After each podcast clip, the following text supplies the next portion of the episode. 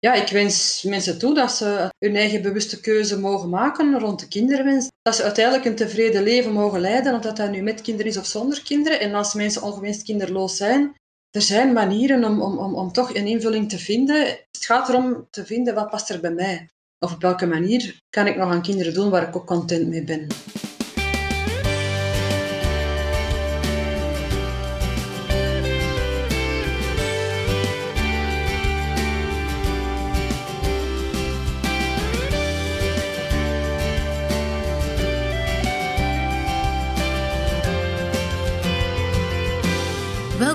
Coach Jan podcast, jouw online gids naar een sprankelend en betekenisvol leven. Hey en welkom bij een nieuwe aflevering van de Coach Jan podcast. Intussen zijn we bij aflevering 39 aangekomen en vandaag heb ik voor jullie Mirjam de Rijke te gast. Mirjam is auteur van het boek Een leven zonder kinderen. Het is een boek geschreven voor iedereen die bezig is met vragen rond de kinderwens mensen die twijfelen over kinderen, of over wie nadenkt over adoptie of pleegzorg, of ook voor wie leeft zonder kinderen of die levenskeuze overweegt.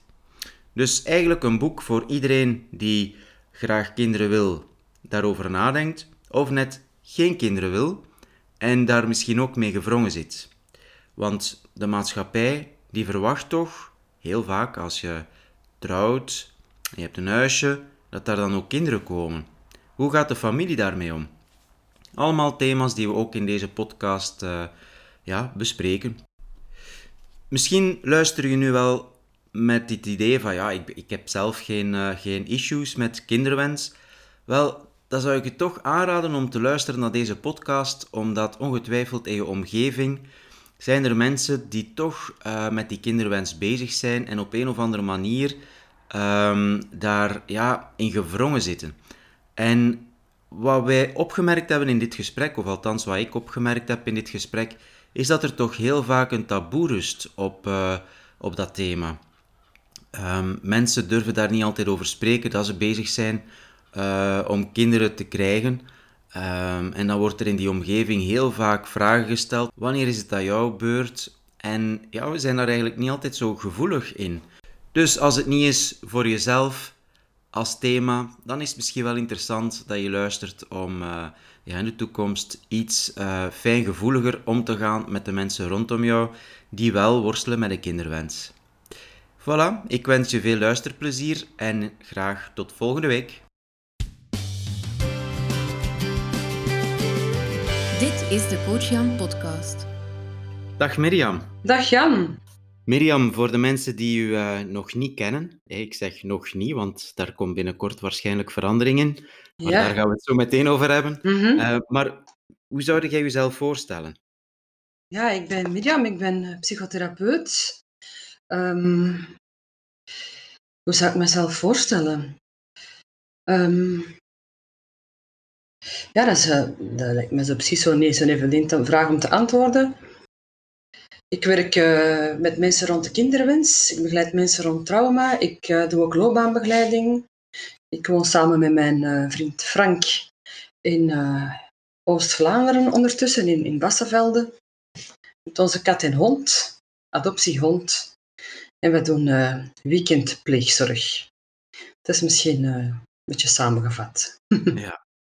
En weekendpleegzorg, wat, wat moet ik mij daarvoor bij, bij voorstellen?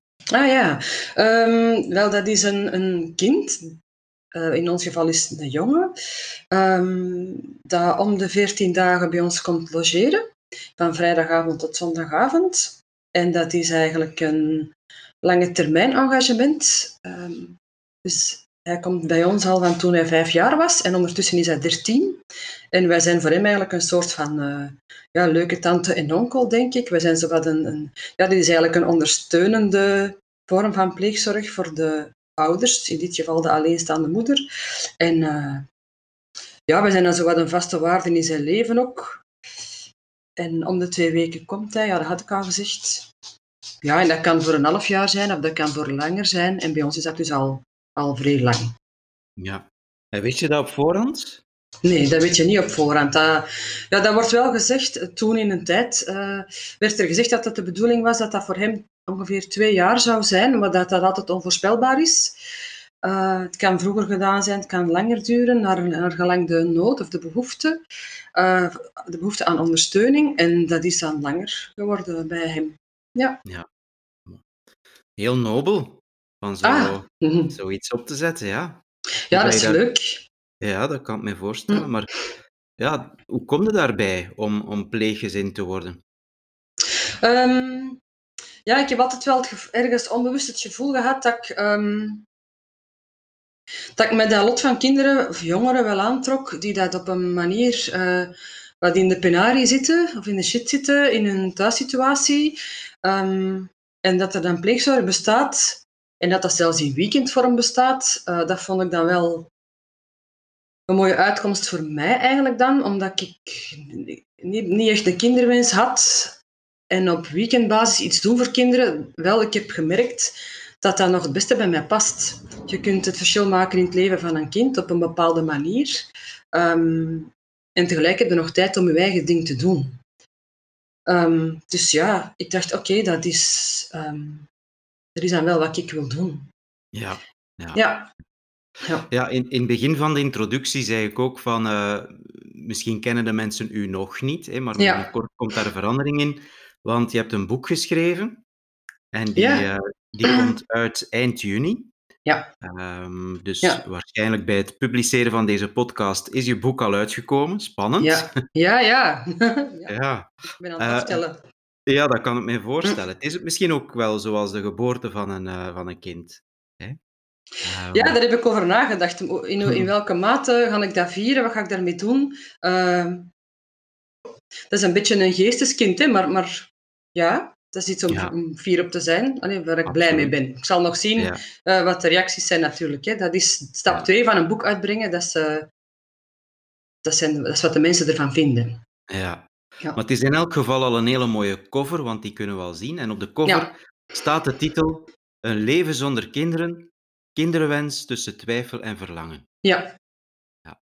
En we komen eigenlijk al direct in het thema een mhm. leven zonder kinderen. Hè. Je, je vertelt mhm. net zelf dat je een, een, eh, een leven hebt, uh, of dat je eigenlijk geen kinderwens had. Mhm. Ja. En dat je dan toch gekozen hebt voor een, een pleegkind. Hè, dat je Ja. eigenlijk kiest om, om die ruimte te maken in je leven voor een pleegkind. Ja. Nu, hoe kom je eigenlijk bij een boek met als titel Een leven zonder kinderen? Ja, uh, een leven zonder kinderen, vraagteken, hè, bedoeld als van uh, hoe, kijk, hoe kijk je daarnaar als de lezer dan? Hè? Hoe kijk je naar een leven zonder kinderen? Is dat iets wat je wenst? Is dat iets wat je overweegt? Of is dat iets wat je verafschuwt of, of helemaal niet ziet zitten? Dus er kunnen heel veel verschillende gevoelens of betekenissen door opgeroepen worden. Um, ja, ik heb gemerkt dat door de keuzes die ik gemaakt heb, te kiezen voor een leven zonder kinderen en, ook door weekendpleegzorg te doen, dat dat, um, dat, dat ook niet altijd evident is. Uh, mensen begrijpen de keuze soms niet. Of um, ja, de keuze voor een leven zonder kinderen of de keuze voor pleegzorg ook. Uh, en in die zin wou ik daar wel iets over schrijven, over hoe, hoe is het dan om te leven zonder kinderen. Maar um, daaraan vooraf gaat eigenlijk voor mij, en dat is het belangrijkste thema van het boek eigenlijk, of het belangrijkste doel. Um, door de therapieopleiding te volgen en ook door mijn werk met mensen achteraf rond de kinderwens, uh, ben ik wel gaan zien dat, dat er onbewust ook dingen meespelen in de keuze die mensen maken. Hè? Want mensen vragen dan, ah, jij bewust kinderloos? Ja, ik ben bewust kinderloos. Uh, maar als je zo vier jaar een therapieopleiding volgt, ja, dan uh, ga je ook wel je eigen proces aan. En dan zijn er zeker veel dingen over je eigen leven en onder, over je eigen keuzes die je onder de loep neemt. En dan uh, zag ik ook wel van, ah ja, dat zijn ook wel dingen die bij mij een rol uh, kunnen hebben gespeeld. En hoe zou mijn keuze geweest zijn als er in mijn leven een aantal dingen anders waren gelopen?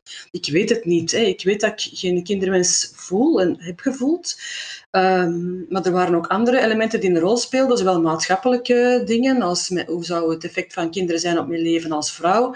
Welk beeld had ik van een gezin hebben? Um, Dus ik dacht, goh, daar valt wel het een en ander over te zeggen, over die zogenaamd bewuste keuze. En ik zie ook mensen in mijn praktijk die komen rond de kinderwens, die twijfelen. En ehm, mensen komen vaak voor een aantal gesprekken, ene keer of twee keer of drie keer, soms meer. En dan zijn er een aantal zaken die besproken worden. Uh, en mensen ja, kunnen dan verder. Maar soms heb ik het gevoel, goh, er zijn wel nog een aantal dingen die ik denk die nog niet aangestipt zijn. En uh, ik had dat misschien wel fijn gevonden als ik die mensen dat ook nog een keer had kunnen zeggen. Uh, of dat is misschien wel aangestipt, maar mensen zijn uiteraard vrij om te kiezen of ze daar iets mee willen doen of niet. En ik dacht, ik wil dat dan in een boek allemaal eens schrijven. Over um, het effect van schaduw, over uh, welke patronen dat mensen ook in hun leven kunnen hebben, die dat ook die keuzes kunnen beïnvloeden. Zowel wanneer ze ja, het is eigenlijk zo, wanneer mensen mijn boek lezen, dan kan het zijn dat zij initieel niet van plan waren om kinderen te krijgen en dat uiteindelijk beslissen om het toch te doen. Maar even andersom, uh, dat mensen dachten, ik ga misschien best ook die weg gaan, maar dat ze die van binnen voelden dat ze eigenlijk een leven willen zonder kinderen. En dat is juist ook mijn bedoeling van het boek. Um, wat dat mensen ook kiezen, voor mij is het allemaal goed, maar ik denk dat het fijn is dat mensen zo bewust mogelijk kunnen kiezen. Dat er een aantal zaken uit de schaduw worden gehaald. En hoe zou het zijn als ze dat dan hebben kunnen doen en dan kiezen? Ja. Zo.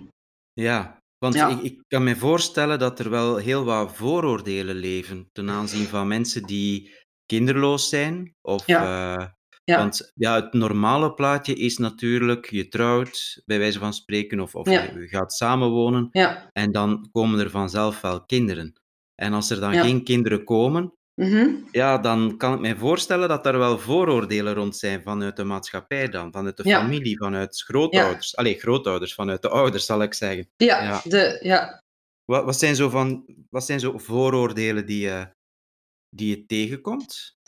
Um, ja, daar schrijf ik ook over in mijn boek. Hè. Het vooroordeel is bijvoorbeeld uh, ja, mensen die geen kinderen uh, nemen, die zijn, um, ofwel zijn ze nogal egoïstisch en kiezen vooral om te leven voor zichzelf. Ofwel uh, is er vaak ook zo onuitgesproken, soms ook wel, de perceptie van ja, dan zal daar vast wel iets mis mee zijn. Die durven niet springen of die, durven, die nemen geen verantwoordelijkheid of er is iets anders waar ze bang van zijn of zo. Ja, of ze kunnen mee. het niet. Ze, ze, kunnen geen kinderen krijgen. Ja, dat kan ook. En dan stellen mensen soms wel eens de vraag aan, aan wie ligt het of zo. Ook zo aan wie ligt het? Ja, ja, dat kan ook. Ja. Ja, ze kunnen het niet of ze durven het niet. Ja, dat zijn wel dingen die daar, Wie zijn schuld die is daar kunnen leven. Ja, ja nog erger. Ja. Ja. Ja. Ja. Ja. Mhm. ja. Of ja, inderdaad, zoals hij zegt, van, ehm, het, is, het is nogal ja, egoïstisch. Hè. Ze, ze kiezen voor zichzelf. Hoe zou dat komen, denk je, die vooroordelen? Van waar komen die vooroordelen? Ah ja, ehm, ik denk dat dat ermee te maken heeft. Wij hebben allemaal een soort van eh, blauwdruk, eh, een soort van krijtlijnen die voor ons leven eigenlijk zijn uitgetekend. Eh, degene die daarover over sprak, onder andere in onze opleidingen, dat is Jung. Hè, die spreekt van het archetypisch programma, dat je een aantal fasen in je leven doorloopt, waarbij je ook weer een stuk van je persoonlijke ontwikkeling verder doormaakt. Hè. Je, je wordt geboren, er is de hechtingsrelatie met je ouders, dan word je puber, je maakt je los van je ouders en je bepaalt je eigen identiteit. Mensen gaan liefdesrelaties aan en, en uiteindelijk gaan ze dan eh, samenwonen en dan is de volgende stap, dat ligt al, ja, dat zit in onze in, ons, in ons archetypisch programma, in onze genen, dat wij ons voortplanten. Hè? En, en dus we krijgen kinderen. Miljoenen mensen doen dat. En, en dus ja, als mensen vragen, en wanneer is dat jullie? Denken jullie aan kinderen? Dan, dan, dan is dat bijna een logische vraag eigenlijk, want iedereen doet het. Het zit in ons ingebakken. Uh, dus het is eerder opmerkelijk dat, dat mensen dat niet doen. En ja, vroeger kwamen kinderen er gewoon, was het vanzelfsprekend. Vandaag hebben mensen de keuze. En kun, dus kunnen ze ook beslissen om dat niet te doen. Het lijkt wel voor mijn gevoel een vorm van diversiteit die vroeger misschien niet kon bestaan, omdat dat, ja, er was geen anticonceptie om te beginnen. Er was ook meer druk in onze regio, misschien ook vanuit de katholieke cultuur. Ik schrok er wel van toen ik ooit hoorde dat vroeger de pastoor, die kwam uh, na verloop van tijd wel eens op uh, huisbezoek bij de mensen, wanneer dat kinderen uitbleven. En die kwam sowieso heel consciënt polsen van, uh, ja, hoe zit het hier? Wat, uh, gaan jullie nog aan kinderen beginnen? Dat ik dacht, amai, dat is echt wel een druk zeg. En sommige mensen hebben dan ook wel geantwoord zo te horen van, ja, dat zijn eigenlijk uh, uw, uw, zaken niet. Maar evengoed werden mensen daar wel door beïnvloed. Enfin, dat is nog een ander stuk van het verhaal. Maar goed, um, ja, dus het zit wel zo in onze blauwdruk, hè? Ja, het zit in onze blauwdruk. En Ja, ja, als er kinderen dan uitblijven, dan, dan lijkt het wel alsof dat er iets eh, niet eh, oké is. Hè? Ja. ja miljoen- miljoenen mensen doen het. En dan zijn er zo'n paar mensen die gaan even aan gewoon kiezen om dat niet te doen. Dus Ja. dat is wel redelijk tegen de stroom in, of redelijk, ja, het is opmerkelijk. Eh, ik denk ook dat ehm, kinderen krijgen is voor mensen vaak een vorm van zingeving. En ik, ik zie het als een, bijna een, een, een natuurlijk voorstel van, van de circle of life, van de natuurlijke circle of life, van de natuur, om, om op die manier zingeving aan uw leven te geven. Hè. Mhm. Uh, dus ja, dat ligt voor het rapen, bij wijze van spreken van ja, zo kunnen, we- dat is inderdaad fijn om op die manier, uh, waar doe ik het anders voor, om, om zin te geven aan uw leven. Dus ja, veel mensen vinden daar ook zin in. Hè? Ja. Ja. Is het, is het boek ook geschreven aan mensen die ehm, wel kinderen willen, maar waarbij dat het dan effectief niet, niet lukt? Ja, ja ik, uh, alle mensen komen aan bod. Uh, het is geschreven voor een heel brede doelgroep.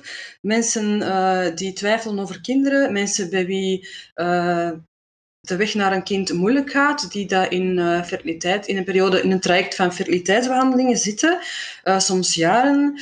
Uh, wat kunnen mensen doen om die periode wat leefbaarder te maken? Hoe kunnen ze omgaan met vragen of opmerkingen van de buitenwereld? Wat soms heel moeilijk is.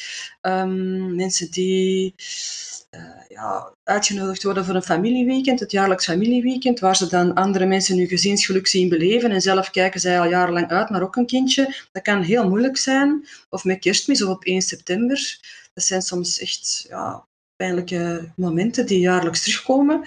Um, het boek is ook geschreven voor wie dan uiteindelijk ja, het verdict krijgt van een, een biologisch eigen kind ligt niet binnen de mogelijkheden. Dan heb ik daar ook over geschreven van hoe, hoe kan je daar naar kijken, hoe kan je daarmee omgaan. Dat is um, zeer ingrijpend en voor veel mensen is dat ook wel traumatiserend om, om dat dan te moeten horen. Hè. Dat is een, een heel toekomstbeeld voor mensen dat, ja, dat eigenlijk niet mogelijk zal zijn. Het zien opgroeien van uw kinderen, uh, uw kinderen kunnen opvoeden, dingen doorgeven, kinderen naar school brengen, naar hun hobby's, dat allemaal mee beleven, dat ze dan uiteindelijk gaan studeren en ook gaan trouwen of samenwonen, Mhm. kleinkinderen krijgen. Heel dat verhaal, dat is dan voor die mensen op een manier niet weggelegd. Maar ik, ik beschrijf ook uh, welke andere mogelijkheden er dan zijn. Um, hoe is het om kinderen te krijgen via donorconceptie? Dat is ook een mogelijkheid die er uiteraard ook is. Uh, hoe is het om kinderen te krijgen met adoptie? Wat mag je eraan verwachten als je daarmee wil starten?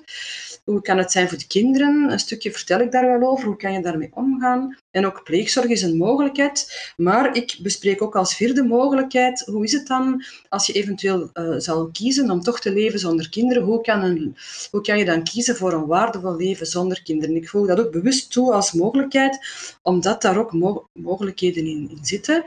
Ja. Um, en ik beschrijf dan ook, uh, hoe is het dan om te leven zonder kinderen, als je ervoor gekozen hebt, maar ook als je er niet voor gekozen hebt. En ook als mensen dan wel kinderen hebben, wat krijg je dan? Er zijn heel veel boeken die er natuurlijk al over gaan, over opvoeding en het moederschap en zwangerschapsboeken enzovoort. Dus mensen kunnen daar uiteraard al heel veel, over lezen in andere boeken en door te praten met mensen. Maar ik vond dat in een boek over het keuzedilemma, dat toch ook een stukje er moest inzitten. Ik heb daar dan over geschreven op basis van uh, wat ik zelf in de, literatuur ben tegengekomen, uh, waar ik in gesprekken met ouders ben tegengekomen, zowel in mijn privéleven als in gesprekken met cliënten die ook wel soms kinderen hebben, die voor een andere reden in therapie of in begeleiding komen. Um, ja, waar, waar, doen zij het dan voor? Hè? Wat is dan die ontwikkelingsfase, waar dat Jung dan ook over spreekt, in, in die krijtlijnen, in die blauwdruk? Wat, welke positieve, maar ook misschien moeilijke dingen kom je tegen? En, en, en ook al is dat soms ook moeilijk, waarom kiezen mensen daar dan wel voor? Wat kan u dat dan brengen dan misschien? Mhm. Ik vond dat ik dat dan ook wel een stukje moest beschrijven um, vanuit verschillende uh, invalshoeken bekeken. De, de, de roze wolk, maar ook de niet-roze wolk. Hè? oké, van wat kun je dan misschien verwachten? Waarom zouden we het niet laten liggen? Ook Mhm. dat. Ja. En is er zoiets wat dat je ehm, vaak meemaakt als therapeut dan, als het gaat over Mhm. kinderwens? Wat, wat, wat is zo de grootste Mhm. vraag of het grootste dilemma, zal ik maar zeggen? Eh, ik heb het gevoel dat mensen ehm, vaak eigenlijk diep van binnen wel verlangen naar kinderen, maar iets houdt hen tegen. Mhm. Ehm, als we weten dat, allee, in, in de literatuur die ik zelf gelezen heb, ehm, de cijfers zeggen 1 op 5 ongeveer heeft geen kinderen. Dus pak 20% leeft kinderloos en daarvan is 10% bewust kinderloos en 10% ongewenst kinderloos. Dus dan zouden we kunnen zeggen dat 90% van de mensen in de fond wel kinderen wil. Dus dat is de, grootste, de grootste groep. Ja, dus ik, kan me wel voorstellen dat het ook logisch is dat ik dan ook die mensen meer zie in mijn praktijk, die dat dan toch eigenlijk daar wel mee worstelen. Ook een twijfel. Maar eigenlijk heb ik soms heb ik vaak het gevoel van, goh, ehm, ik denk dat je eigenlijk wel kinderen wilt, maar dat er dingen zijn die dat u in de weg staan. Dus daar, ook daarvoor dat boek, hè, want uiteindelijk, wat dat mensen ook kiezen, vanaf een bepaald punt is het onomkeerbaar. Hè. De biologische klok, bij vrouwen iets vroeger dan bij mannen. Ehm, je zult op een dag, zal het een leven zijn zonder kinderen, of een leven met kinderen ook. Hè. Dus ik heb dan het gevoel van, het is dan ook goed om, om, daar, eh, om daar bewust bij stil te staan. Wat zijn misschien de dingen die mij takkelen? Ja. Ja, om dan uiteindelijk toch te kiezen. Wat Mhm. komt er dan zo tegen? Eh, Wat staat er zo in de weg? Bijvoorbeeld, ja, er zijn veel casussen die ik ook bespreek in mijn boek. Hè. Bijvoorbeeld iemand die zegt, ehm, ja, ik wil niet zo worden als mijn vader. Of ik wil niet zo worden als mijn moeder. Ik heb daar schrik van. Want hoe dat ik mijn vader heb gekend, of hoe dat ik mijn moeder heb gekend, ja, ik zie dat ook wel wat in mezelf. Mhm. En dat wil ik niet. Ja, ja. En dan eh, twijfelen mensen heel hard. En soms is dat ook moeilijk binnen een relatie, want de andere partner wil dat dan bijvoorbeeld wel. En dan loopt dat vast. Ja. Ehm, Zie je En- soms vaak relaties kapot gaan door, eh, door dat dilemma? Eh, wel, ik denk dat ik eigenlijk niet vaak zie hoe het uiteindelijk dan afloopt. Ah, mensen komen bij mij, er is een twijfel, mensen komen soms alleen en kom, ik, ik nodig eh, mensen dan ook uit om met de partner te komen, om dat samen eens te bespreken. En dan stel ik mensen ook voor, wil ik, ik wil uw partner ook wel eens alleen spreken, zijn er ertoe bereid? Hè? Dat, ik zie dat er daar wel dingen zijn waar dat volgens mij wel beweging in kunnen komen, in beweging in kan komen. En dan komt die persoon ook wel eh eens apart, een paar sessies. Eh, ik benoem een aantal dingen. Ik, ik, ik, ik probeer dat breed open te trekken en mensen te zeggen van kijk, ik zie ook dat, ik zie ook dat. Uiteindelijk, maar uiteindelijk beslissen mensen zelf of ze daar verder mee willen gaan, of ze, of ze daar iets mee willen doen. En dan gaan zij hun weg verder. En soms hoor ik wel ehm, dat er dan uiteindelijk geen kindje komt en dat die kinderloze partner dan nog wel graag een aantal gesprekken wil. Van ja, ik heb dat toch nog moeilijk ermee en, en ik wil toch nog een aantal dingen daarover bespreken. Maar dan zitten we in de fase van wat, een, een, een rouwproces eigenlijk ook. Hè? Acceptatie van oké, er zal geen kind komen. Of, of soms is dat ook een nieuw samengesteld gezin, waar- waarbij dat een van de twee partners nog geen kinderen heeft. En dat het dan ook er naar uitziet dat dat zo zal blijven. Uh, en hoe gaat het er dan samen mee om? Is dat te overleven? Is dat overbrugbaar? Ik bekijk dan met mensen, zijn er nog andere manieren waarop dat jij dan wel zin kunt geven aan je leven binnen die relatie? Mhm. En dan zie ik mensen um, vaak ook niet meer, hè? dus ik weet niet hoe dat dan verder nog afloopt. Maar dat is moeilijk, hè? Mhm. Allee. Ja, ik, ik heb echt, door hier nu met u over te spreken en ook door, door uh, zo tijdens dit gesprek te reflecteren Ja. in mijzelf over Ja. uh, wat ik zelf tegenkom in mijn eigen familie bijvoorbeeld. Of Mhm. uh, als het gaat over, over de kinderwens, dan, dan stel ik echt wel vast dat dat een thema is die helemaal in de taboesfeer zit. Ah ja. Toch, ja, ja, toch zeker in, in, uh, ja, in, in de situaties die ik dan tegenkom. Hè? En, en ja, ik zal er een paar voorbeelden van geven. Mhm. Ehm, misschien knip ik ze er nog wel uit, ik weet het nog niet, maar ik ga ze toch vertellen. Ja. Uh, ik, ik, herinner mij nog toen uh, ik en mijn vrouw uh, ja, klaar waren voor kinderen. Hm. Um, ja, je begint daar dan aan. Hè. En hoe begin je Mhm. daaraan? Je stopt met die, met die, met die pil. En, en, hè, dus, en dan is er zo'n tijd dat je niet weet van hoe lang gaat dat duren? Gaat het lukken? Je weet dat allemaal niet. Ja. En dan plotseling, mijn schoonbroer, die Ja. komen met het nieuws dat die zwanger waren. Ja, ja dat, is- dat hoor ik regelmatig. Zo. Ja. Ja, Mhm. en we Ja. hadden zoiets van, oké. Ja. Eh, en, en dan merkte zo van, goh, in zo de... Ja, dat doet wel iets met u, Ja. eh, moet ik eerlijk toegeven. Dan Mhm. komen er heel veel twijfels en, en, en ja, dat is toch Ah. spannend. En je kunt daar dan zo heel moeilijk over spreken, vind ik. Toch? Wel in uw Mhm. relatie natuurlijk, Ja. maar zo daarbuiten niet. En wat ik ook merk, is ehm, toen wij kinderen kregen, Mhm.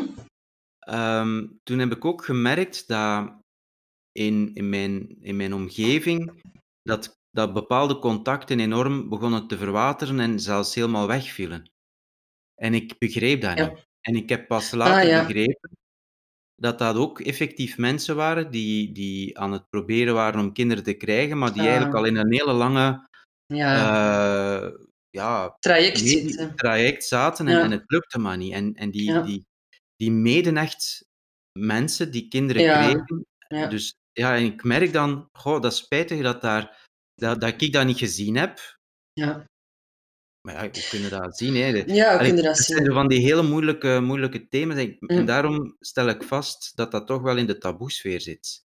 Zo, daar wordt heel moeilijk over gesproken. Ja, en, en ehm, de laatste jaren, het laatste jaar, de laatste twee jaar, je ziet dat al eens vaker verschijnen in de media, een artikel in de krant of in een tijdschrift of op televisie. Eh, mensen beginnen zich stilaan wat meer bewust te worden van het feit dat ongewenste kinderloosheid bestaat of dat er mensen zijn bij wie het niet vanzelfsprekend is om de kinderwens te vervullen. Er, zijn mensen die ik hoor in de omgeving die er al wel attent op zijn eh, van uit te kijken met uitspraken of met vragen te stellen, want misschien eh, van ja, we willen aan kinderen beginnen. Er zijn mensen die zeggen ja, we zullen dat misschien maar niet vragen, want we weten het niet. Of dat, dat... Dus je voelt dat er wat bewustzijn begint te komen, maar misschien is dat omdat ik ermee bezig ben, dat ik dat dan soms zie. Eh, dat is ook het moeilijke voor mensen die met de kinderwens bezig zijn. Langs de andere kant, dat er, eh, het is moeilijk om erover te praten, want dat is heel kwetsbaar. Eh, maar tegelijkertijd zie ik ook mensen in de omgeving die zich ervan bewust zijn, die dan ook heel voorzichtig zijn en soms dan maar beter beslissen om beter niks te zeggen. En dat maakt dat die mensen zich soms ook wel alleen voelen in hun verhaal. Vanuit goede bedoelingen geraken die dan soms zo wat geïsoleerd eigenlijk. En staan die wat alleen. Ja, dat is natuurlijk wederzijdse interactie. Hoe voelen zij zich? Willen ze erover praten? Soms wil een van de beide partners niet dat er over gepraat wordt en dan wordt dat door de andere gerespecteerd en dan weet de buitenwereld het niet. En dan is dat Mhm. voor die mensen heel moeilijk. Maar ik begrijp wel wat jij vertelt, ja, dat, dat vanaf een bepaald punt is dat voor die mensen heel confronterend om naar een verjaardagsfeestje van een kind te gaan, van een neefje of nichtje, of van een petekindje of van vrienden. Eh, dan is dat ja, dan moeten die er na dagen of, of, of, of een week bekomen van, van, van daar zo'n namiddag te hebben gezeten, hè, met al de kindergeluk en de oudergeluk. Eh, dat, is dan, ja, dat doet dan heel veel verdriet. Hè. Mhm. Ja, en ik vind het ook wel interessant om te horen van uw kant, dat je dat ook wel ergens gevoeld hebt en dat je dat ook jammer vond. Ja, maar op dat moment... Wist je niet ehm, waarom? wist je niet en zie Ja. je dat ook niet. Het is Ja. maar pas achteraf, als, eh, als de olifant in de kamer als het ware echt zichtbaar wordt en Ja. besproken wordt, dan, Ja. wordt, ja, dan, ehm, dan wordt het duidelijk natuurlijk. En dan vind ik het jammer dat ik dat toen niet geweten heb, want dan had ik waarschijnlijk op een heel andere manier eh, ja, daarmee omgegaan. Ja. Ja. Niet dat ik mijzelf iets kan verwijten, want ja, allee, het- Je wist het niet. je wist het niet. En, Ja. en, maar, Ja. ja. dus ik kan mij voorstellen dat er wel heel wat mensen zijn die dat ook gaan herkennen.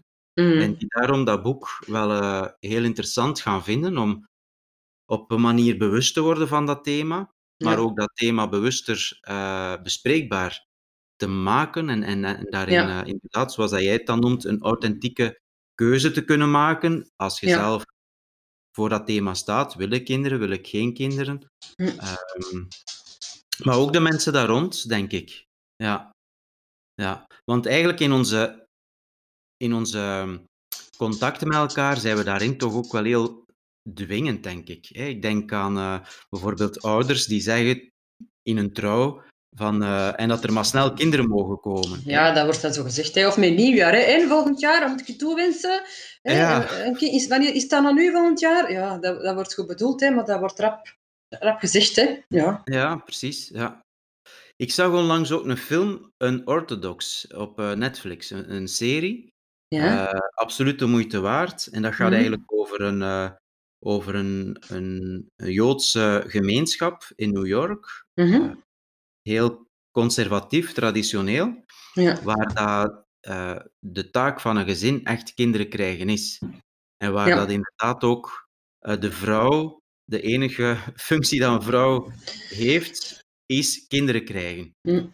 Um, en de druk die daar wordt gelegd op de vrouw en op dat gezin, ook op de man, die moet uh, voor kinderen zorgen. Ja, verstaan? ook. Dus, um, het was heel interessant om te zien hoe dat geloof Um, het, was, het was eerder een kritische blik, Ja. maar ook wel heel. Um, ja, het, het doet nadenken over wat is in feite de, de, de, de opdracht. Nee, ik moet het anders formuleren. Hoe is de. Hoe bepaalt cultuur Ja. en ook religie Ja. hoe dat mensen in Ja. het leven staan? Ja.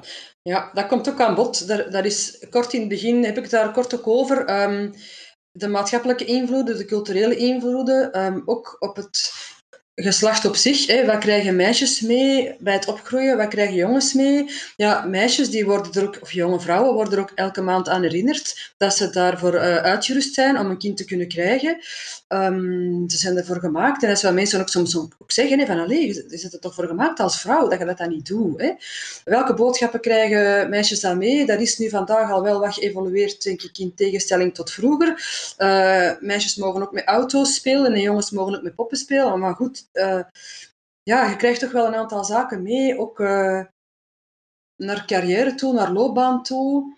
Uh, vrouwen maken ook keuzes in die zin, maar vaak zit er toch ook wel mee in het pakket voor het toekomstplan, om het dan zo te zeggen. Van ja, ik kan op een dag ook kinderen willen en hoe ga ik dat dan doen met mijn werk? En, en zie ik dat zitten om dat te combineren. En je ziet mensen daar ook op vastlopen, hè? vrouwen op vastlopen die werk en gezin proberen te combineren. En, en ja, dat dat soms ellendig is, of heel veel is. Mannen, bij mannen zie ik dat ook.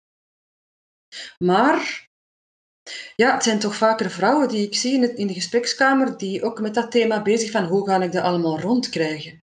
Ja. Dus dat bespreek ik ook even. En uh, wacht, ja, dat is ook heel even kort dat ik dat aanhaal, maar dat is binnen het bestek van dat boek misschien niet de bedoeling om, om echt het debat aan te vatten, maar hoe, hoe kijken we naar de rol van het moederschap? Um, ja, over feminisme heb ik dan voor een stuk. Vrouwen hebben, hebben, hebben dingen verworven ten opzichte van vroeger, maar er, hangt precies ook wel een prijs aan vast. Um, om dat dan allemaal te kunnen combineren. Uh, vrouwelijke eigenschappen, in hoeverre worden die gewaardeerd? Gelijk dat verhaal van die Joodse gemeenschap, dan denk ik, oh ja, ja um, hoe zou het zijn als vandaag uh, mensen die de rol op zich nemen om voor de kinderen te zorgen, als die maatschappelijk een andere waardering krijgen. Hè? Er is op een gegeven moment geopperd om een, om een inkomen, iedereen een vast inkomen of iedereen een inkomen. Hoe zou dat zijn als we moeders of ook vaders eventueel anders zouden bekijken maatschappelijk? Als die bijvoorbeeld een soort van verloning zouden krijgen of een andere vorm van zekerheid of, of sociale ja. zekerheid als ze de rol voor het zorgen voor kinderen op zich zouden nemen. Dat heb ik kort even aangestipt, maar van in, van in de rol van therapeut ben ik er daar niet verder op ingegaan. Maar, goed, ik ben van, van opleiding ook maatschappelijk werken, dus dat stuk zie ik... Allee, ik moet daar geen maatschappelijk werker voor zijn om dat te zien, maar dat speelt allemaal mee, ook in die zogenaamd bewuste keuze, tussen aanhalingstekens, die mensen dan maken, om bewust kinderloos te blijven. En dat zeg ik op een gegeven moment ook in mijn boek van, goh ja, hoe bewust was dan sommige mensen hun keuze misschien, hè, als die maatschappelijke elementen of factoren ook anders zouden liggen, als je zou kunnen ervaren dat de keuze voor het moederschap, voor twee of drie kinderen, als dat allemaal minder zwaar zou zijn, hoe zou, wat zouden mensen dan kiezen? Mhm. Als dat, als dat veel comfortabeler was. Ja, terecht hè. Ja, Terecht. Als je nu kijkt ook dat vrouwen, of mannen, hè, maar over het algemeen zijn het vrouwen die thuis blijven of minder werken voor, voor de kinderen, halftijds werken bijvoorbeeld, ja, Hm. ja, ja. naar ja. pensioen toe of naar, naar, naar rechten toe, is dat eigenlijk echt eh, vreselijk, want die, die krijgen dan maar een half pensioen. Ja, Op, eh, bijvoorbeeld, dus- ja. ja, ja. Of als zij scheiden, we, we zien bijvoorbeeld dat heel veel mensen die in armoede belanden, de nieuwe armoede, zijn heel Ja. dikwijls vrouwen die gescheiden zijn en toch voor de kinderen instaan. Ja. Ja. ja. Eh, wacht, wat wou ik er nu over zeggen? Ja, dat mensen die dan misschien wel ergens kinderen wilden, die, ja, ik heb dat ook al wel gezien, dat wou ik zeggen, eh, dat vrouwen dan ook soms zeggen van, ja, in dat geval kinderen, ja, voor mij niet. Maar leven zonder kinderen ehm, heeft ook zijn consequenties. Hè. Dat is ook een ander leven waar je voor kiest tot het einde van de rit. Dat heeft ook zijn nadelen. En, en daarom dat ik dat ook heb willen beschrijven, van hoe, hoe is dat dan als je die keuze maakt? Hè? Waar kiest je dan bewust voor als je kinderen hebt? Er zijn voor- en nadelen aan, en leuke kanten en minder leuke kanten, maar dat is ook zo als je leeft zonder kinderen, ook als je bewust ervoor kiest. Hè. Er zijn dingen waar dat je wat buiten valt, eh, op een subtiele manier soms, dat is allemaal niet zo bedoeld, maar ja, het zijn precies wat verschillende sociale groepen. De groep van de ouders of de gezinnen of de moeders of de vaders en de groep van de mensen die leven zonder kinderen. En sommige mensen worden daarbij betrokken en, en, en hebben heel veel vrienden die ook kinderen hebben. En sommige mensen lijkt het zo op een subtiele manier dat je er dan zo wat niet bij hoort en, en dat dat toch een andere weg is. Wat is zoiets wat dat jij bijvoorbeeld meemaakt in de keuze die jij gemaakt hebt om bewust kinderloos te zijn? Ehm, wacht, hè, want ik denk dat ik dat moet opsplitsen in twee stukken. Het bewust kinderloos zijn en het kiezen voor pleegzorg. Dat zijn twee verhalen die, die, die misschien wel zo wat een, een consequenties hebben. Eh, bewust leven zonder kinderen. Hmm. Ja, vragen die je soms krijgt. Ik heb, ik heb wel vaak het gevoel gehad, als mensen aan mij vragen, wat maakt dat jij geen kinderen hebt, dat ik dacht, goh, ik zou bijna een PowerPoint-presentatie moeten geven, denk ik, om uit te leggen waarom dat ik eigenlijk geen kinderen heb. Ik bedoel, de, aan de ene keer gaf ik dat antwoord, en de andere keer gaf ik een ander antwoord, dat ik dacht, ja, dat is het eigenlijk ook. En bij de volgende gaf ik nog een ander antwoord, ja, dat is het eigenlijk ook. Er zijn eigenlijk heel veel verschillende redenen. Ehm, positieve redenen en negatieve redenen waarom dat ik tot die keuze gekomen ben. En elke keer als ik iets zei, uh, ja, soms was er echt wel een, een, een, oordeel van dat je de blik al zo ziet van ja, oké, die heeft duidelijk nog van alles in haar rugzak, maar heeft dat niet goed bekeken. Uh, die zou beter eens wat verder nadenken. En dan dacht ik, ja, maar wacht, er zijn nog andere redenen. En dan heb je soms het gevoel van, nou, dat je wilt verantwoorden van, maar ja, maar hé, hey, en ja, dat vond ik soms moeilijk. En rond de, kind, rond pleegzorg um, was dat weer een ander verhaal. Maar dat heeft dan misschien minder te maken met kinderloos zijn, maar op een andere manier aan kinderen doen. Uh, dat mensen dat niet begrijpen, dat mensen dat soms wel als een bedreiging zien. Uh, dat je pleegkinderen meebrengt, die dat dan misschien uh, ja, soms wat ander gedrag vertonen, omdat die ook een rugzak hebben. dus je moet dat soms ook wat kunnen plaatsen in de context waarin dat een kind is opgegroeid. Um, ja, dat is, ja, niet iedereen bekijkt dat op dezelfde manier. Ja, ja, ja, mooi. Intrigerend. Ja. Ah ja, ja. Ja, ja. Um, ja, ik, ik, binnen uh, een week komt uw boek uit. Is er iets Ja. gepland? Want met de coronatijd is dat misschien niet zo simpel om uh, echt een Nee. boekvoorstelling te doen. Nee, inderdaad, dat was wel het plan, maar dat gaat dus nu niet door. Ehm, dus het zal enkel on- online zijn, dat mensen wat kunnen volgen op mijn Facebookpagina of via Instagram, dat ik wel dingen deel over waarover gaat dat boek eigenlijk, onder meer. Daar ben ik nu al mee bezig, met dat al wat te vertellen. Eh, welke thema's komen mensen tegen rond de kinderwens? Want ook eh, zaken als eh, prenatale diagnose, dat komt bijvoorbeeld ook voor. Hè. Mensen die wel zwanger zijn, maar die op een dag kunnen beslissen. Hè, dat is dan een heel dubbel gevoel. Hè. Vandaag kan je een test laten doen om te kijken of een kind een erfelijke aandoening of zo of daarmee belast is. En dan kan je beslissen wat dat je uiteindelijk met die zwangerschap wil doen.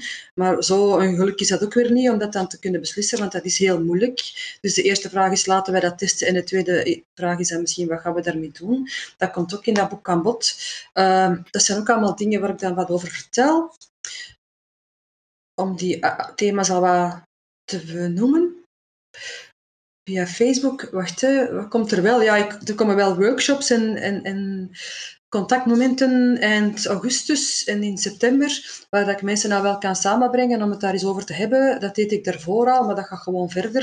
Uh, een workshop rond het uh, dilemma rond de kinderwens, van, voor mensen die twijfelen, of een contactmoment voor mensen die ongewenst kinderloos zijn, en ook een contactmoment voor mensen die bewust leven zonder kinderen. Want ook voor hen is dat is dat wel eens leuk om, om uit te wisselen van hoe is dat voor ons, uh, wat komen wij tegen. Uh, dat, dat heb ik ondervonden dat mensen dat ook wel eens kunnen waarderen. Ja. Um, ja, dat zijn de dingen die zo wat op het programma staan. Ja. Boeiend. Ja, inderdaad. nu, Mirjam, um, mm -hmm. wat zijn zo voor u inspiratiebronnen? Ah ja. In uw leven dan? Ja.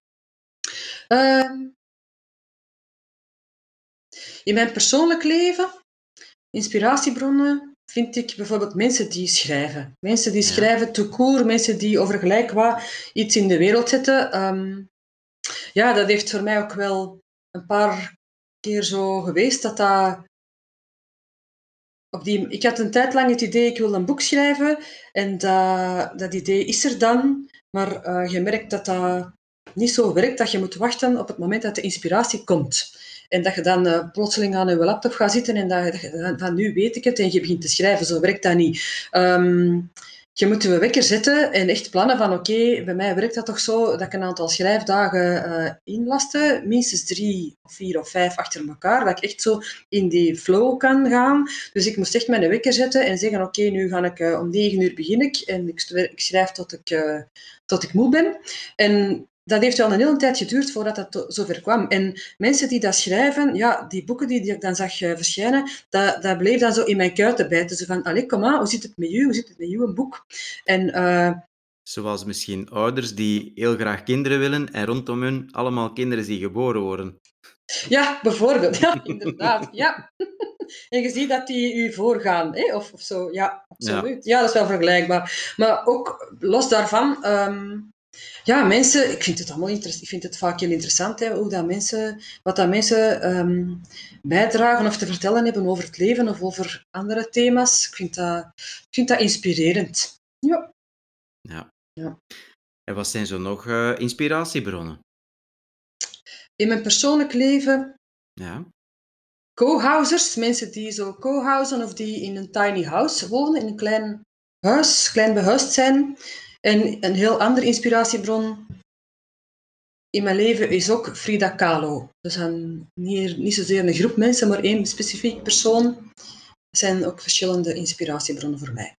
Ja, en waarom die... die dit is een schilderes, dacht ik, hè? Ja, dat is een Mexicaanse schilderes die ondertussen al een tijd overleden is. Um, ja, ik vond dat wel een, een boeiende vrouw, omdat die omdat hij zoveel piet had, die had zowel wat temperament, vond ik, en uh, ook wel recht voor de raap, maar die stak ook haar pijn en haar, lijden niet weg. En ik vond dat wel um, soms wat confronterend, maar ook wel interessant. Um, ik, denk dat, ik denk dat ik dat een beetje ook zo heb. Uh, mensen die mij kennen weten, als ze aan mij vragen hoe is het met u, bij mij is er donker en er is licht en ik zal dat ook niet wegsteken. Ik, zal, ik ben niet iemand die zegt, ah, goed, goed, goed, en alleen maar spreken over de dingen die goed gaan, maar ook um, wat dat er misgaat, zal ik benoemen. Uh, en ik kan, ook, ik kan ook donkere dagen hebben, uh, waarbij dat ik het leven niet zo fijn vind. En er zijn momenten dat, dat ik ook die piet voel en, en zo gedrevenheid en ondernemend zijn en... en uh, thema's aankaarten die dat, ja, zo wat taboe kunnen zijn. Gelijk of ongewenst kinderloos, maar ik werk ook rond trauma en rond uh, begeleiding van verwerking van seksueel geweld of, of seksueel misbruik. Um, Dus ik zie in haar wat die twee. En ik vind dat soms ook zelf wel een moeilijke. En hoe dat zij dat dan gewoon deed, zo bam, dat stond er gewoon. Ehm, ja, ik denk dat ik het nu niet... Ja, zij was nog extremer, hè. Maar goed, daar bewonder ik haar wel voor, dat die, dat, dat, dat die kracht er wel kan zijn. Zo.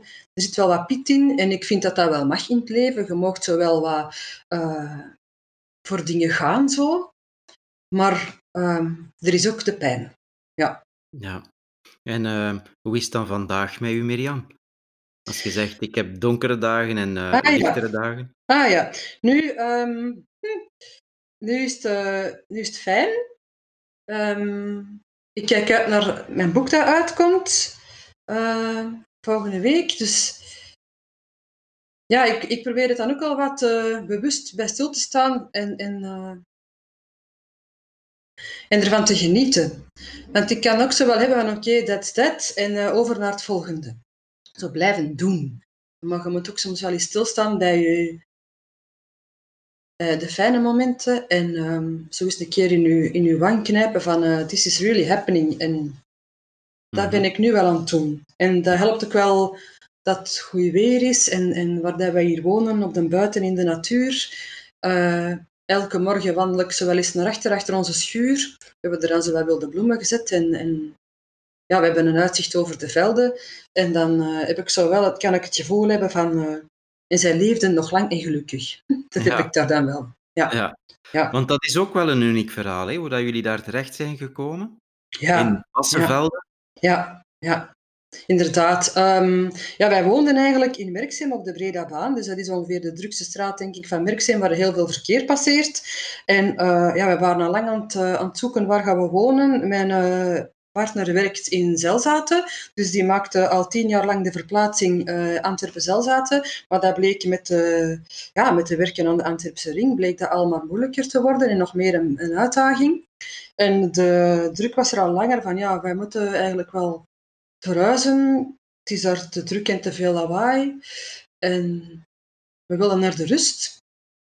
En ik vond dat wel een drempel om die beslissing te nemen, waar, om dan naar Oost-Vlaanderen te gaan wonen, eventueel. Want we konden ook even in Wustwezel of in Hoogstraten gaan wonen, maar was dan nog verder. Dus ik heb dan op een gegeven moment gewoon gezegd, kijk, uh, we gaan dat gewoon proberen. We huren uh, een huis op een plek waar dat we zouden willen wonen. En we voelen hoe dat, dat, hoe voelt om daar dan op de buiten te wonen. En ik wou dan wel ook echt een plek vinden waar het in de natuur kan zijn. Dat hebben we vrij snel gevonden. Het was of dat zo moest zijn. Denk uh, via zoek, zoeken op internet de eerste avond denk ik dat ik dit huis had gevonden. En uh, ik heb het gevoel dat we nu het beste van twee werelden hebben. Ik werk nog steeds in Antwerpen, maar ook in Gent in groepspraktijk sinds een half jaar. En uh, ja, nu kom ik nog regelmatig in de stad, maar ik keer altijd terug naar, naar de rust en de koeien over de deur en de, en de fazanten die dat hier over het erf lopen. Ja, en ook daar heb je eigenlijk die rust en toch die, die drukte uh, die je misschien wel een beetje typeert. Zo die, die, mhm. die licht en die donkerte, zo ja. die polarisatie van die twee uh, werelden iedere keer, dat, dat, dat is ook kenmerkend voor hoe dat je nu dus eigenlijk woont en werkt. En... Ja, eigenlijk wel. Ja. Ja. Ja. Um, ja.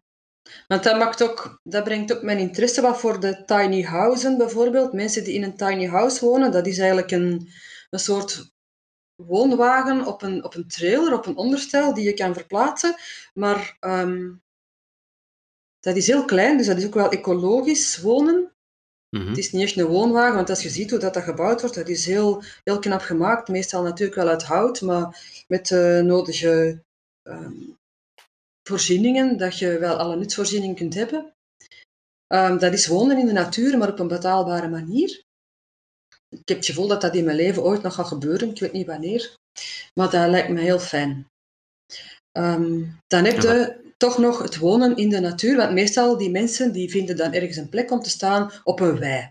In een boer of ergens in de natuur, waar dat ze dan voor een uh, kleine bijdrage mogen staan.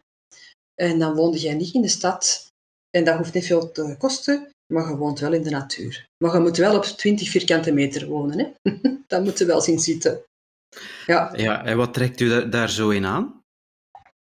Um, de wijdheid van als je buiten kijkt, denk ik. Dat hebben wij hier ook. En uh, ja, dat is toch wel iets speciaals. Uh, ik heb het gevoel, welke weersomstandigheden dat het ook zijn, is hier altijd mooi. En dat heeft altijd een speciale sfeer. Als het hier stormt of onweert of het regent, in de verte zie je dat dan. Ik kan snappen dat er mensen daar schilderijen van maken. Dat ook die weersomstandigheden, dat dat... Ja, dat heeft iets. En wacht, hè, dat, dat, je kunt er dan ook zo wat bij mijmeren of bij stilstaan.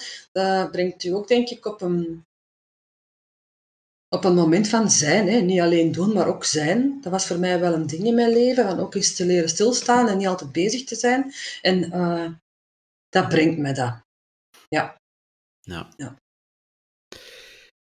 Um, als we even kijken naar, naar, naar boeken die u zelf inspireert, Ja. ehm, was er een boek die je mij doorgaf, dat is eh, Godinnen in elke vrouw. Ah ja, ja. Ja. Daar moeten mij toch eens iets over vertellen. Ja, Godinnen in ehm, elke vrouw. Ja dat, is, dat boek is geschreven door een Amerikaanse eh, psychiater, geloof ik dat zij is, Jean Sinoda Bolen, als ik het goed uitspreek. En zij ehm, ziet eigenlijk in de, in de, in Griekse mythologie eh, een, aantal godinnen die zij ook linkt aan bepaalde types vrouwen. hè. Je hebt bijvoorbeeld eh, Demeter, dat is de oermoeder in een vrouw die daar eh wil zorgen en, en voeden. En je hebt eh, Artemis, dat is wat meer de, de, de vrijgevochten vrouw die wil avontureren en verkennen en, en rondtrekken en onrecht bestrijden. En zo beschrijft ze eigenlijk een aantal godinnen. En ik moet zeggen, uh, toen ik het voor het eerst over dat boek hoorde, dan dacht ik, wauw, ik heb het zo niet met de Griekse mythologie, dat is nu niet mijn leefwereld eigenlijk. Maar goed, ik ben op, na, na lange tijd dat boek toch beginnen lezen en ik dacht, dat wel verdorie, er staan wel heel uh, interessante dingen in. Ik ken, mij, ik ken mij in die en in die. En dat bracht ook wel wat dingen op zijn plaats. Nog meer over van, ja, wat is mijn weg dan? Hè? Uh, ik heb ook een carrière switch gemaakt. Waar wil ik, uh, waar wil ik mij op richten? Waar, wil ik mij professioneel mee bezighouden? Um, en ik, heb dat ook verwerkt in mijn boek. Maar ik dacht, goh, die Griekse mythologie op zich, mensen hebben daar, zoals ik waarschijnlijk, niet altijd veel affiniteit mee. En ik heb dat dan gewoon um, kan beschrijven aan de hand van casussen. Ik zie dat als een vorm van diversiteit. Hè. De ene persoon heeft meer uh, Demeter in zich en is, heeft een, een, een hele diepe kinderwens en, en voelt dat diep verlangen. En andere mensen goh, die zijn daar niet mee bezig, die willen geen kinderen. Of, wat ook gebeurt, die hebben wel kinderen, maar uh, voelen zich niet zozeer een zorgende moeder, hebben daar soms ook wel wat moeite mee uh, dat ze dat dan niet zijn. En daar vind ik het ook goed om dat wat open te trekken. Van kijk, op welke manier wilde jij moeder zijn? En wat zijn de ideeën die je erover hebt, hoe dat, dat zou moeten? Of vader zijn, uiteraard ook. Hè, want het is. Ik heb het dan wel toegepast op mannen en vrouwen. Er zitten ook wat mannelijke goden in verwerkt. Of welke krachten, welke eigenschappen kan, uh, kan dan uh, een kind of, of, zwanger zijn? Of, of kan de kinderwens in mensen oproepen of in mannen oproepen? Uh, bijvoorbeeld de beschermer wordt dan ook soms opgeroepen. Dat is een, een, mannelijke god die dat ook in vrouwen kan spelen, de anima en de animus. Uh, als, als mensen kinderen hebben, dat ze dan hun kinderen willen beschermen en daar als een leeuw voor willen vechten, of voor hun rechten als moeder of voor hun rechten als vader ook. Um, dus goh, ik heb dat dan zo aan de hand van casussen wat proberen toe te lichten van er zijn verschillende types mensen en ik beschouw dat dan als een vorm van diversiteit, die dat er ook kan zijn en mag zijn van wie ben ik dan eigenlijk, wat typeert mij meer. Er zijn ook mensen die kinderen hebben, maar die blij zijn dat die uit de pampers zijn, die dat eigenlijk wel uh, heel zware jaren vonden en die blij zijn dat ze erdoor zijn, of, of, of nog meer, die ook niet rouwig zijn als de kinderen uiteindelijk het huis uit zijn. Die zeggen, goed, was fijn, maar uh, bon, er zijn ook, ook nog andere dingen hè, en die dat ook wel voelen. Ja. ja. Mooi. Ja. Dus godinnen in elke vrouw. En er is ook een boek dat ze heeft geschreven, Goden in elke man. Dus dat heb ik ook wel uh, erbij genomen. Ja, Ah, niet voilà. onbelangrijk. Ja, Ja, mooi. Ja. ja. ja. Zeg Ja. Mirjam, wat maakt uw leven eigenlijk betekenisvol en sprankelend? Ja, eh, wat een vraag zeg. Ehm, ja, die weekendpleegzorg vind ik zeker wel. Ehm, dat, heb ik wel dat is voor mij een manier geweest waar dat ik dan ook heb ervaren wat dat huiselijk geluk kan zijn, met, met kinderen in huis ook. Ehm, sprankelend en betekenisvol. Ja, wat ik, ook, ik heb er wel wat over nagedacht vooraf, wat dat mijn leven ook wel sprankelend heeft gemaakt. Sprankelend heeft gemaakt. Ehm, ik heb een, een aantal jaren terug uh, een trip gemaakt dat ik twee maanden naar Congo ben getrokken om als vrijwilliger daar uh, iets, ja, dingen te gaan doen. En de bedoeling was eigenlijk dat ik daar zo wat, als een soort van journalist eigenlijk, daar als gast op zoek was. Een inleefreis was dat dan. Allee, ik noem het dan journalisme, voor mij voelde dat wel zo. Ik moest eigenlijk zo wat een reportage maken, schrijven over hoe werken zij daar, wat doen zij daar, uh, vragen stellen aan mensen. En uiteindelijk uh, was de bedoeling om dan hier in België er iets mee te doen. Ik heb er dan een klein boekje over geschreven, Bondo-genoten, want dat was in Bondo, dat dorpje noemde Bondo. En de bondgenoten die, zich daar, die elkaar daar dan vinden. Uh, dat was een heel leuke ervaring. En toen had ik ehm, ook het gevoel, ik wil opnieuw gaan studeren. In die zin was dat wel een uh, ervaring die betekenisvol voor mij, zodat stilstaan bij die maatschappelijke thema's, want die vrouw, Bernadette Broeks, die daar dat project heeft opgericht, uh, eh, 25 jaar geleden, die is ook eigenlijk sociaal werker van opleiding en ik zag eigenlijk dat die daar sociaal werk aan het doen is eigenlijk, voor de mensen daar, die voorzag die ook wel wat van een soort van sociale zekerheid. Als je bij haar kwam, de mensen die bij haar konden werken, kwamen werken, daar uh, vergoeden ze ook um, de school van de kinderen betaalden ze ook. En, als ze dan ziek waren, die mensen, dan werd daar ook uh, intussen gekomen. Dus dat was eigenlijk ook een beetje een vorm van sociale zekerheid dat ze daar dan toepasten. Uh, ik was toen al een tijd aan het overwegen, ik wil gaan studeren, ik wil iets anders gaan doen. En daar heb ik wel uh, gevoeld van, ja, ik ga dat doen. En ik ga verder uitzoeken wat, maar dat gaat hier niet bij blijven. Ja. Dat schrijven ging mij wel af, zo die maatschappelijke thema's belichten en bevragen. Uh, dat was natuurlijk wel zo wat meer in de, in de sector van het ontwikkelingswerk, in de internationale sfeer, zeg maar. Maar nu doe ik het dan lokaal, hè, in België. Ja. Wow. Op, een, op mijn manier, hè. Ja, niet niet ja. zoals Bernadette. Maar goed, dat was een betekenisvolle ervaring uh, van... Uh, ja, de job die ik toen deed, dat gaat het niet blijven. Ja. ja. En dat was echt een bewuste keuze om die reis te gaan doen, om een stukje ook te reflecteren over ja, hoe verder? Of? Ja, ik was toen zo zoekend van, goh, wat wordt nu voor mij de weg uh, professioneel dan? En ik had het gevoel, dat wil ik ook eens doen. Ik, uh, ik deed al veel vrijwilligerswerk uh, in het jaar, zeg maar. Um, en ik had het gevoel, ik wil, ik wil meer nog een verschil maken met mijn, met mijn leven. Ik wil ook wel op een manier betekenisvol zijn.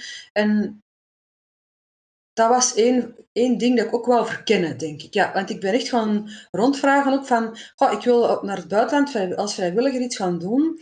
Uh, ik heb ook broederlijk delen gecontacteerd. Oxfam, denk ik. Ik heb verschillende organisaties gecontacteerd. En uiteindelijk, um, voor twee maanden, blijkt dat niet zo evident, want dat is voor zo'n organisatie eigenlijk te kort. En dan ben ik echt gaan rondvragen van, weet er iemand een project in het buitenland waar dat ik vrijwilligerswerk kan gaan doen? In Azië, in Zuid-Amerika? Of... En dan kwam er iemand met het verhaal van Congo. En dan dacht ik, ja, dat is dan misschien wel hetgeen dat ik moet doen, want dat heeft dan ook wel houdt ook wel verband met de geschiedenis van België. Daar weet ik nog, misschien nog niet zoveel van. Dat vond ik dat wel interessant. En dat was ook uh, een heel avontuur om, uh, om daar dan te geraken. En, dat was heel afgelegen in, in, uh, in het noorden van Congo. Ik ben daar naartoe gegaan. Um, met vliegtuig, dan nog met een klein Cessna vliegtuigje, nog een stuk afgelegd, dan uh, met de prauw de rivier oversteken en dan nog 200 kilometer door de broes achter op de motto. En dan was ik op mijn bestemming. Ik ben een week onderweg geweest. Een week dus, onderweg? Ja, ja, dat was niet zo verwacht. Ik dacht vier dagen, maar het was, het was, het was tien dagen denk dat ik onderweg was, denk ik. Maar dat was hetgeen dat ik ook wel... Uh, ja, dat was het avontuur. Hè. Ik vond dat geweldig dat dat zo moest gaan. Toen ze dat, toen ze dat zeiden van ja, we gaan naar Congo kunnen gaan, maar het zal wel speciaal worden om er te geraken. We gaan met de motto moeten rijden en met de prauw. En ik dacht, oké, ik doe het. Mm. Niet meer weten. Ja, ik kan dat doen. Zo ja. was dat. Ja. ja. ja. Is voor u de weg of de bestemming het belangrijkst? Ah. Hmm.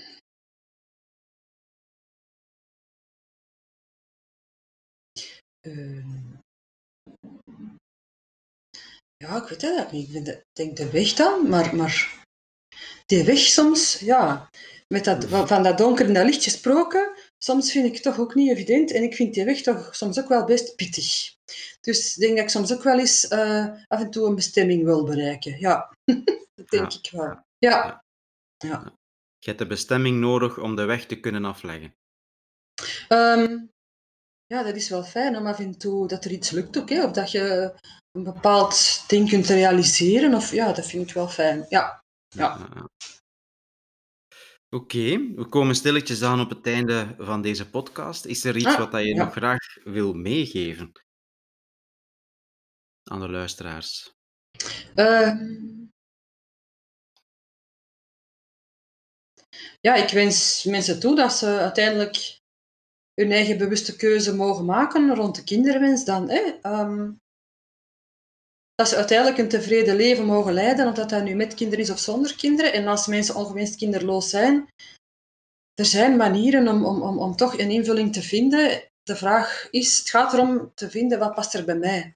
Wat past er dan nog bij mij buiten kinderen hebben? Of op welke manier kan ik nog aan kinderen doen waar ik ook content mee ben? Ja, dat denk ik dat ik wel nog wil zeggen. Ja. Mooi, mooi. Dank u wel, Mirjam, voor dit eh, gesprek. Ja, jij ook bedankt. Ja, en eh, wie weet komen we elkaar nog eens tegen in Ja. eh Bassenvelde, wie weet, Ah, ja. of Ja, waar dan ook ter wereld. ja. Oké, dank Ja. u wel. oké, graag gedaan. Dag. Dag. Dit was de Coach Jan podcast. Reageren op deze aflevering kan via www.coachjan.be podcast. Vond je dit een goede aflevering? Dan stellen we jouw waardering en beoordeling in iTunes op prijs. Dit zorgt er mee voor dat ook andere mensen deze podcast vinden. Bedankt voor het luisteren en vergeet niet, maak er een sprankelende en betekenisvolle dag van.